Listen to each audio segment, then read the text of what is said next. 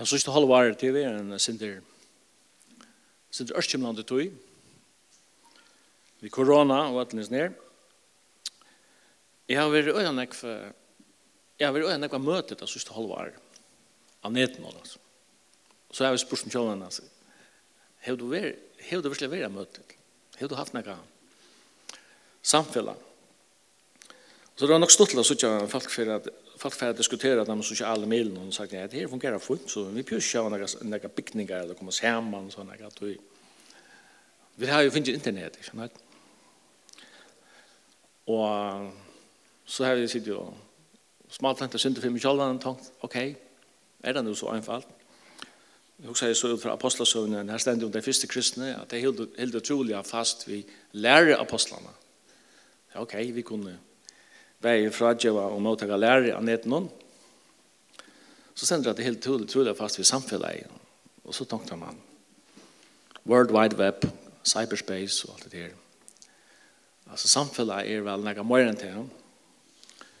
Det er helt tydelig fast i breibrødene. Det har blitt opphatt mer problematisk. Og bønene der. Men eh, det er godt å komme, det er godt å være nett noen av møte og, og nægget annet godt. Men det er ikke som kan erstatte fellesskap. Det stender i skriften og i Hebreabran en anmenning om ikke jo å komme sammen. Minnes, minnes lete å komme sammen. Og jeg håper til trykker meg at jeg sier at det er virkelig døylig å sitte til morgen. Det er ordentlig gledelig og så til å kunne stand til det. Og jeg har også nok som er til hva er en halvdjedom for denne? Når jeg tar seg vidt om en halvdjedom og i årsens ratta og sanna tøtning. Vi tok så om hus og bygningar. Og en jenta sier henne ved mamma syna, og sier mamma, nei, det er omvendt, det er først mauren som sier ved sin lille døtter, er så kjett av jeg vet ikke øye et heim, sier hun. Så sier jenta mamma, mamma, mamma, vi øye et heim, vi, vi mangler bare et hus og kar heim i Og det er så veldig vel sagt. Det er vel da en hus utan henne gå hjem. Og omvendt. Vi løser nye for det på det, på det andalige. Det er godt at her var en bygning å kunne køre til å være hjemme inn i. Til å være halvt da. Men innerlige bønne morgen er han. Er det øyne døkken til som jeg kan si kan få løyve til at jeg kan hånden at jeg kan løye døkken inn i en halvt helgedom. Det er det som jeg må tale om til jeg opplever som en halvdom. Det er hendig som Paul nevnte som fram i Gneservatten. Jeg kan også nå min stand her, men for en 30 år så gjerne at vi tar til vidtjene av Gjeston, og jeg får en tur til Vestmannabjørgen mitt hjem. Døtte min var vi, hun er en fem år gammel. Og så minns jeg var nekk folk i, i baden min, vi sildi med drengene her, og det var en fantastisk flott dæver i Vestmannabjørgen. Jeg har nekk tuskar her i baden. Og tar lov vi sin kamera og sin linsen og tar tåke opp etter og nere etter og lov utenbara og fotografera og og jeg dog jeg sender at huskun ikke nek med heida i min minna og folkaskolan men det var stersk lusingar og tar brukt jo enn det opplevd. Og jeg minns at det er en virkelig majestetiske katedrale sier han om Men en det hending som var, som var för framtid, det var till att det kom en vindblæk, och en, en äldre føringer stod här nere i, han først hick vi hade någon och vi han flei och ända i en spann og fotla vattnet. Och det var så, det var så gott hon ikke var utanbord. Så hick man stod i bjerg. Vi kom hem och kona spyr oss vi hade det her, så fortalte jag oss om turen og så sier døtte min, jeg mener om hvis den hick vi en spann. Det er så en som vi upplever inntrykene som vi tar vi og kan eisne, selv om det er en, en, en majestetisk katedral, men det er et minnes fra turen om Tamtur i Vestmøybjørn. Det var skiparen, han var konsentreret over om, og jeg tykker vi ikke at neka av drengen, eller det som han sa, rundt om han, imponerer han i røver, til han kanskje silt, han er silt til han kanskje er det tre i fyrt han dagen, og er fløyre for hvert tjøkken første år. Så. Det er en av de avbjørn vi har, at nekva tøy som vi opplever og i halvdom blir jo bare for almindelig for dere. Imponerer ikke langt. Det er reant. Jeg var i Israel for en år siden. Jeg synes ikke at anker at han som var vid turen er her i morgen. Men så særlig at han morgenen vi får ut av Genesere vattnet jeg sikla gjennom åpne dekksbate. Og, og så har jeg kraftigt, kraftigt ljøanlegg i baten om Og så spelar der Hatikva, israelska tjausahangen, og det er det er helt utrolig. Det er den fjörde føringar, så det Hatikva var livet, så kom en sånn surprise, det var til altfarga landvut, men vi så innan Tiberias og Magdala. Det kan se det, ta gråd og føringar. Ta føltes det, ta føltes det som en verlig helgedom. Den svenske statsministeren, den fyrverande statsministeren, takker landet over henne fra en tur i Israel, og Og da spurte han hva det hei gjort størst inntrykk av han av feriene. Han sier, jeg gråta jeg så min søndagsskole i sjø. Og det skal jeg lese fra søndagsskole i sjøen til Erlander. Matteus, nei, Lukas 5, 8. Som nu falt ikke øyne for tyrptist om han og han og hørte jo årgods. Han stod ved Genesaret vatten. Da så han tvær badar litt her i vattnet fiskemenn var ferner i av skåla gøttene. Da fører han inn i annan baden, han ikke svimmer, og ber han litt her og synder ut fra landet. Så setts han ned og lærte følger ur baden. Da han helt opp hæta til alle, sier han vi svimmer, legg ut av dype, og sier ut gøtten tikkara, øyne set. Da sverre svimmer noen mørster, vi tar røynt alla nått, og ønske finnes. Men, ja, kommer en menn her. Etter året tog innom, skal jeg gjøre, skal jeg se det ut godt. Ta det gjør det til han finget av store mångt av fisk og gøtten tar av skrattene. av. Ta vet jeg at jeg etter fellene syne og hinne baden og tar at jeg skulle komme og hjelpe til ham. Ta kom til han og tar fyllte bo av badene, så tar munn til søtj. Ta i Simon Peter sa hette han fattla nye for, for knøven Jesus her og sier, Herre, færre fra mer, er det sindige med over. Du rastla var komna av han og alla hina revion våre av hese fiskeveier og tar høyde finnje. Som leisa Jakob og Johannes sinne Sebedeus som var felegar søymlar. Men Jesus sier vi søymen Øttast ikkje. Heretter skal to vaia mennesker. Tar fyrir så fra landet vi baden og tar fyrir så at landet vi baden og fyrir fra ötlom og der fyllte jo hon. Hetta var så katedraleren som vi opplever. Jesus gjør sånne ting som er veldig praktisk, anfølt. Han stender ved vattnet her. Følt ikke tråkere han. Jeg så ikke en, jeg så ikke en mur av mennesker framfyr han, og vattnet er 18 Så det er ikke så nevnt. Jeg kan begynne å lære følt ikke her. Man sier at det her som fjallatall han var hilden. Det er en steg her, det er veldig som Landsleie er som et amfiteater. Kan for andre kunne ta seg til det, så det så han. Men nere i vattnet er ikke akkurat det beste omstående. Og han fer inn i en bad og sier vi kibaran, Peter, fer, at lydesynder ut fra land. Det er ikke praktisk. Vi vet at det er mennesker, lort ikke bare vi øyne, vi lort oss i egen.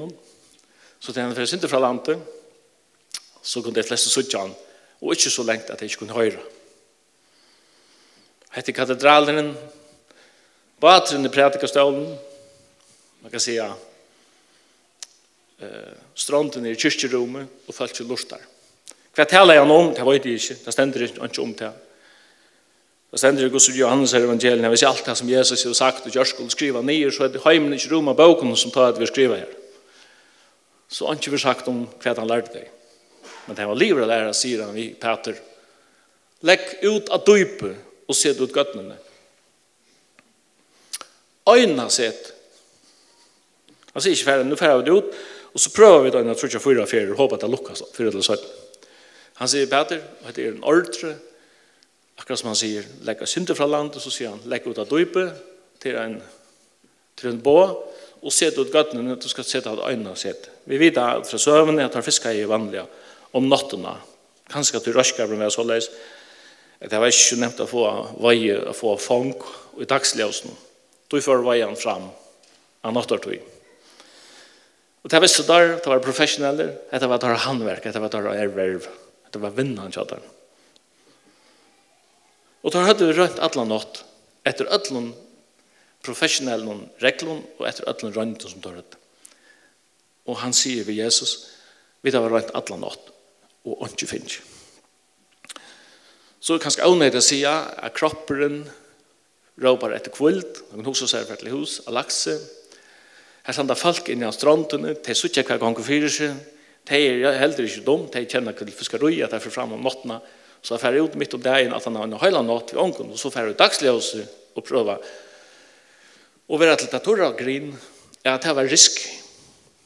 Det var en risiko. Men det er nesten som han sier, Hette tog tøyne apert, to sida, vi har rent alle natt, og ikke finnes Men etter året åretøyne, så gjør jeg det. Så måste du også ta apert når du som du venter. Det er nesten det som ligger i luften her. Og tar for seg ut, og setter i gøttene, og tar var så full, at han måtte vettre etter hinnen mannen inne. Det var bare en annen bad baden var ferdig. Han la hinn baden stadig inne ved stronten.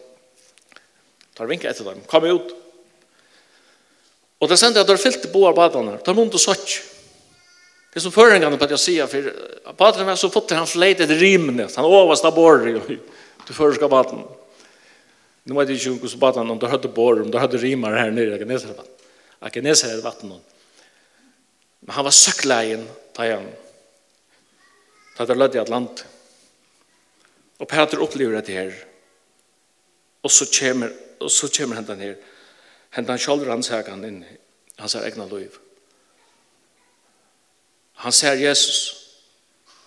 Han ser et under. Det er ikke så lukka sørt under som det som hendte hinne med vattnet da jeg metta i 5000 vi breien og fisken. Det er fytla tvar, fytla bad her. Vi øynar, vi øynar et sete. Det som han ser og i frelseren er det som vi synes sannsyn. Jesus hitt, hitt øynast, hitt høyleis, røynast, han hans og menneskjøvørende nevnt han fylling av dårdleika, kærleika. Altså, han var så blend av av tog som han opplever, at det han, det han som speklar alt det som Kristus og Jesus er, og iverfører det altså det egna liv, og ser alt det som er i hans her liv, så sier han, dette matcher i behøver ikke. Her er åtta gjøre til å sørge for at det kommer en avstander, og andre hver skal er rennast, eller skal han fære. Han sier, vi frelser han, fær framar herre, i er syndige maver. Det er tvei inntrykk som ligger i oss nær. Det er tvei inntrykk. Det er tvei aspekter i oss nær. Og er øyla positivt og hitt er negativt. Jeg skal si at det er positivt først. Det er det. Han ser hvor Jesus er.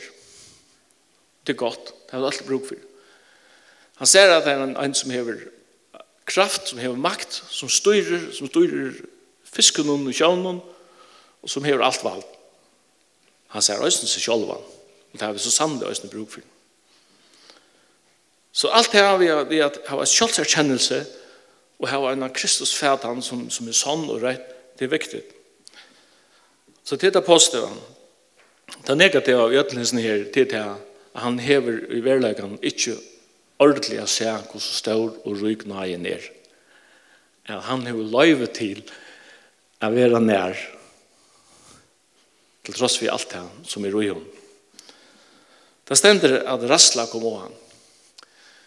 Og jeg tykker akkurat at det her det som henter. Vi skulle skilje mittlen vi skulle skilje mittlen året øtti og rassla i hesen vörd. Og snur fra skriften.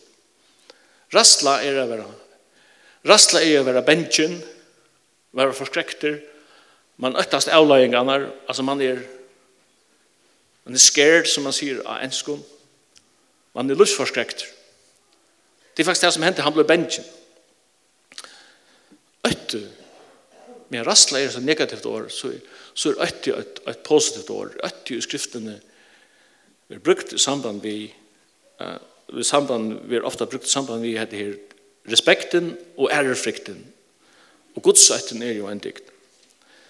Så da Jesus sier vi han øttast, øttast ikke, så er det sjåan mener vi til. Vi, vi er ikke bent.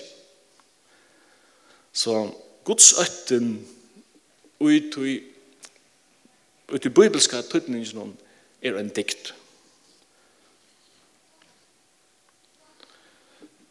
Og jeg bender for henne, for han er på større mån harven ur følgjøkere på en Det er Læt dere be for at jeg kommer etter ærefrikten for du som er heilagt, du som har gode til.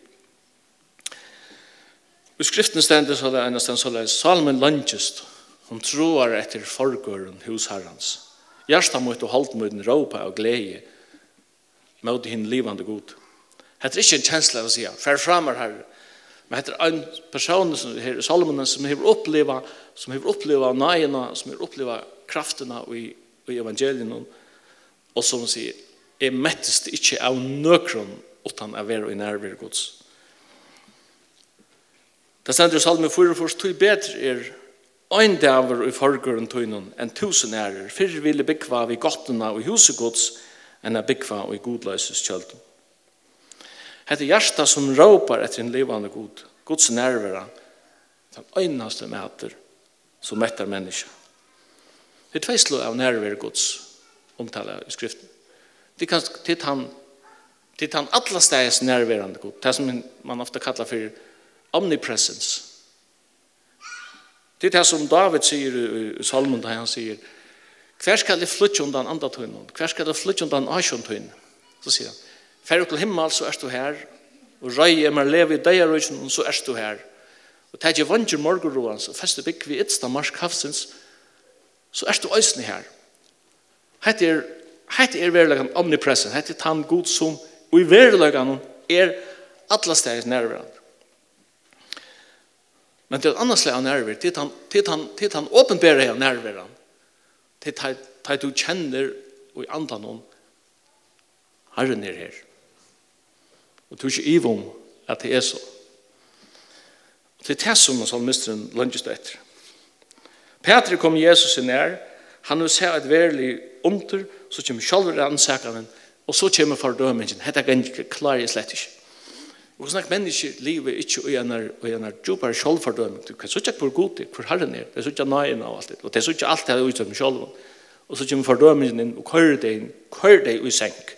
Hvor det er ikke verelig smakke og så ikke nøyen. Og han sier, Fær framar herre, er en sindig over.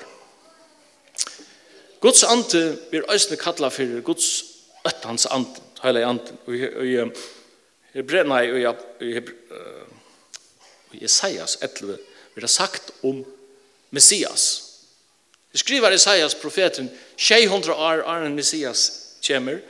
Det säger Jesajas om frelseren som skal komme, og så sier han at han hon ska kvilla anti herrans, anti visdoms, anti vits, anti ras, anti styrke, anti kunskapar Og så ender han ved å si at det sørste nummer tjej, ante Guds øttans, og hvor han sier skal standa til at øttas god, sier han om Messias.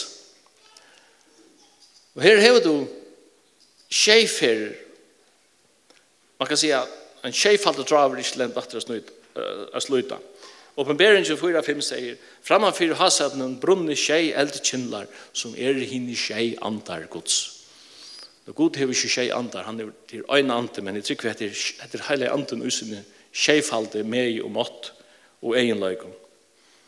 Og øyne av hesen egenløyken er godsøtt hans ant til respekten og ærefrikten. Og stendur øyne i Kolossebraun 8.6 så er han tid av sann og lærte at kjenne nøye gods. Av sann og lærte Jeg vet ikke, jeg kan Peter hei smakka nøye gods, da han opplevde fiskeveiene og sier fær fra meg. Men spørningen er om han har opplevd henne av sånn. Verlig opplevd Og så står ned. Jakobs brev hever et øyla anfall. Et utrolig simpelt båt til dere. Her stender så leis. 4-8. Halda dere nær til god, så skal han halda seg nær til dere. Altså, det kan ikke være anfall her. Altså, det er som Alltså till upp lägger upp han lägger upp till tun tack till Steven. Hålla dig nära till god så ska du uppleva det att han förhåller sig nära till tun. Kan det vara simplare?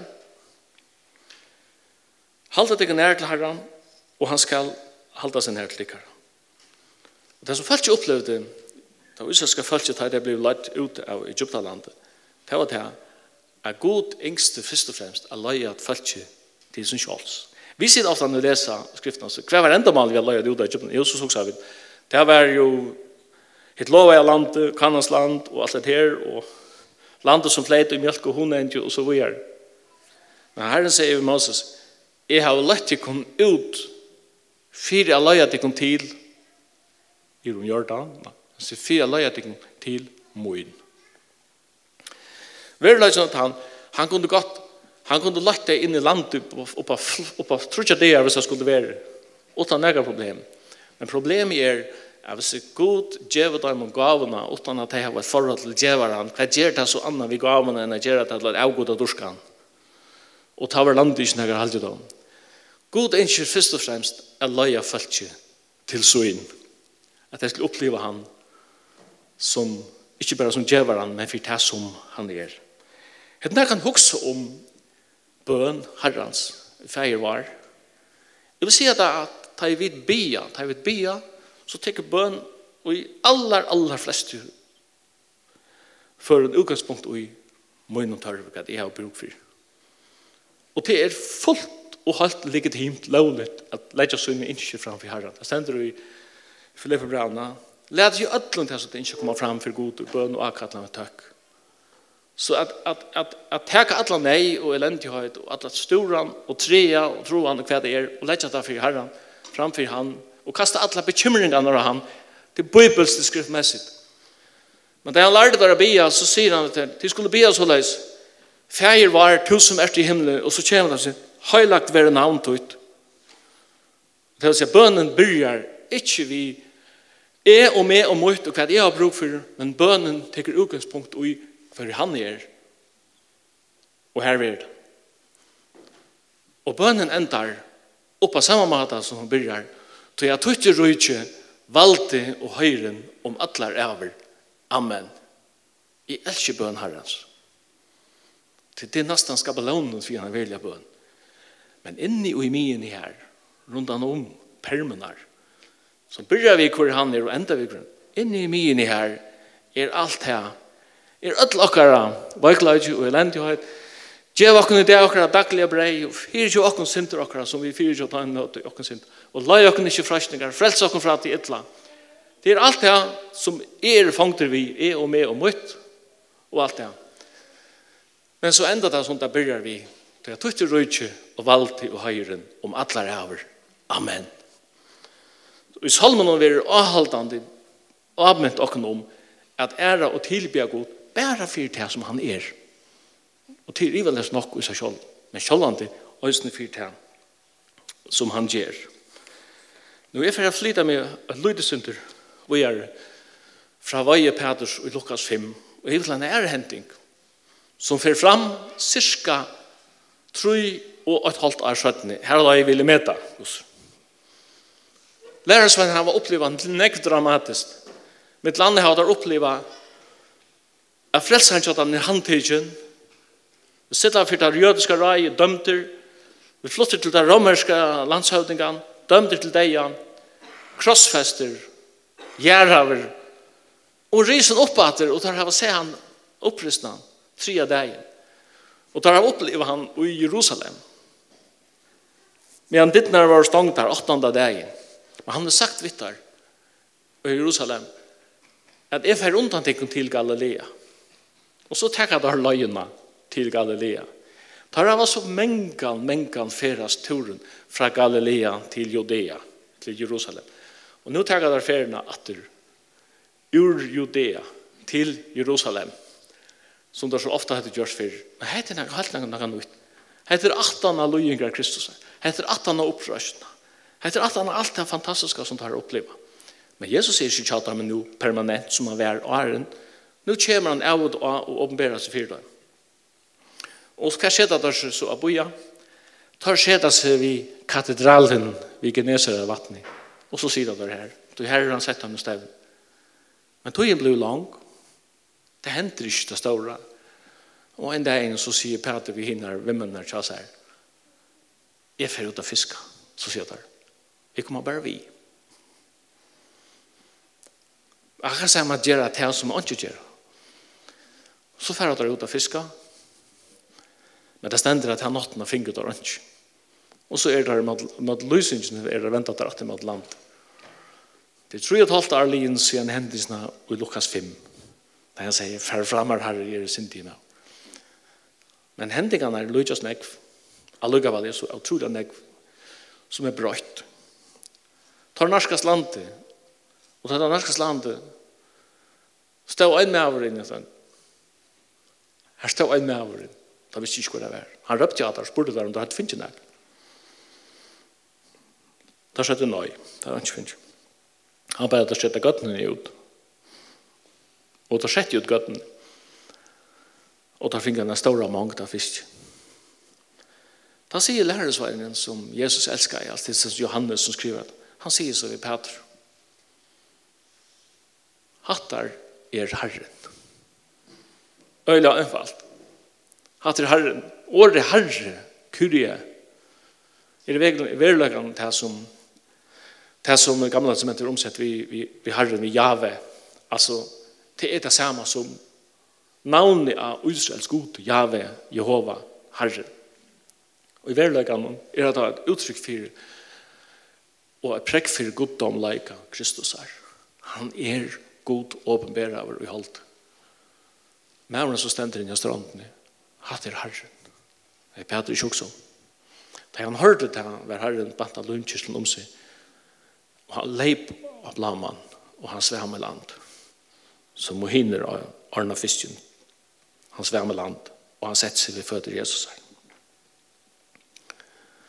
Jeg sier at skal du leita i Bibelen etter kontrasten, så finner du der her. Da første han var i undre, da sier han vi herren, fer fram er er sindige maur. Men da søtten han var i under, ta leipan han kjekk og svem og sett seg vi føder Jesus her. Han er yngste ikke nekka frastøv, han er yngst å er her. Det han er i Lars Nain jeg kjenner. Og tar kom han så atter dreiande ved fisken og atana. Peter lett ærer øya strøyen nå, hatt det så bare. Det som vi, vi kjemte kunne lett at rett. Og tar stokte fisk, og tar sett seg etter her. Så sier Jesus vi Peter, Simon soner Johannes, elskar to med mer enn heser. Han er øyla opp i heilig spurninger. Her sitter lærersvennen han om, og så sier han vi, elskar to med mer enn hinder. Hva er det vi oss vi skal ta? Det er han opp i heilig spurninger. Hvor spyr han hans spurninger? Minnes jeg det er fra munnen til et verdelen kveldmalt og Da Jesus sagt vitt her, sannelig, sannelig, sier, øyne av tykken for å svitja med», Og alle så, tidsi et, mener vi, tidsi et, mener vi. Jeg skal fylltja det her, sier Peter. Om så alle er, jeg er klarer for deg han vitt der. Altså, egentlig sier Peter vi frelser han, tar gåur, men altså, jeg er, jeg er en tann bedre enn hinner. Da Jesus sier vi han, du kan inte fylla mig nå, men du ska släppa fylla mig. Hvor kan du inte fylla dig nå? Jeg skal dødja för Du ska släppa fylla mig, så Så säger han, Alla du har gjort ut for meg. Jeg sannelig sier det her. Og er en hænen for å gale morgen. Da har du trutja for av nok da, du kjenner meg. Det må være en livssjokk å få. Da han løte søttene stender og i høves presta gæren hon. Og en arbeidsjenta sier vi han, Tu varst sammen med Jesus av Nazaret, og han sier, jeg kjenner ikke tanne mannen. Og da han avnokta han for tre fyr. Gaul handen. Og til sjøen, da han fikk ta var minni fram igjen, og han myntes hva han sagt. Og så såg du, og i tog situasjonene, ta og i handen gjeler, hver hikker Peter ta? Jesus stendte kanskje en halvtrus meter borster og var avhørter. han var slien og spytter av alt det der. Sjølv han hikker han iver Jesus. Jesus. Og frelsaren som stender i for dem som spotta han, slå han ved rørstavet, og røyta han og spyta han. Han venter seg hygg, og til egna kontakt. Og Peter fyrir ut, og han græd barsklega. Hetta var han som skulle djeva løs ut, og klarar ikkje at vi kjenne han. Du er en av tøymen, maler som du sier fra. Det er som maler du snakkar. Da kom jo Galilea, det var en helt annen dialekt enn det man snakkar. Da snakkar jeg godt nok samme arameiska tungumal, men dialekten var helt ærvis. Du kommer her nå. Og så stender at han får ut og han græt barskelige. Men nå tog jeg ikke kontakten i hver ønsken akkara. det var ikke fordøming, det var bare en midlidenhet. Og nå har han så, tidlig, nå er han ferdende land, og i uh, svåmende land, og har sett seg vi føder Jesus her. Og så skulle vi enda her, vi heter her, her, her vi heter hetta scenarier. Hvat hugsar? Hvat hugsar Peter? Elskar du meg meir enn Jesus, spyr frelsar. Han brukar ordet agape. Jeg har ofta en hel til det, det var tro år av krisken for kærlaga. Så fann jeg det at det var fyra, og jeg halde jeg, nu har prøvd lyset sin til han, sier det til sex etter tjei, eller sjåren ega. Alt enn på hver for kontekst i kærlaga vi vi sett røy. Men agape er han, fullkom, han totalt uppoffrande kärleken. Ofta vill han symbolisera det som en mor för, följer i för en brøstabatene. När det stender at Øysen i skriften er at Gud viser kærlaga sin til okkar av at Kristus døy for okkar medan vet enn våre syndarar. Altså, så lengt ute er man, og han viser kærlaga til sin til okkar. Johannes 3,16 16 er agape, tog så elskar jeg god heimen, at han gav sånn sin hinn øynbarn. Det er det sterkaste året som er.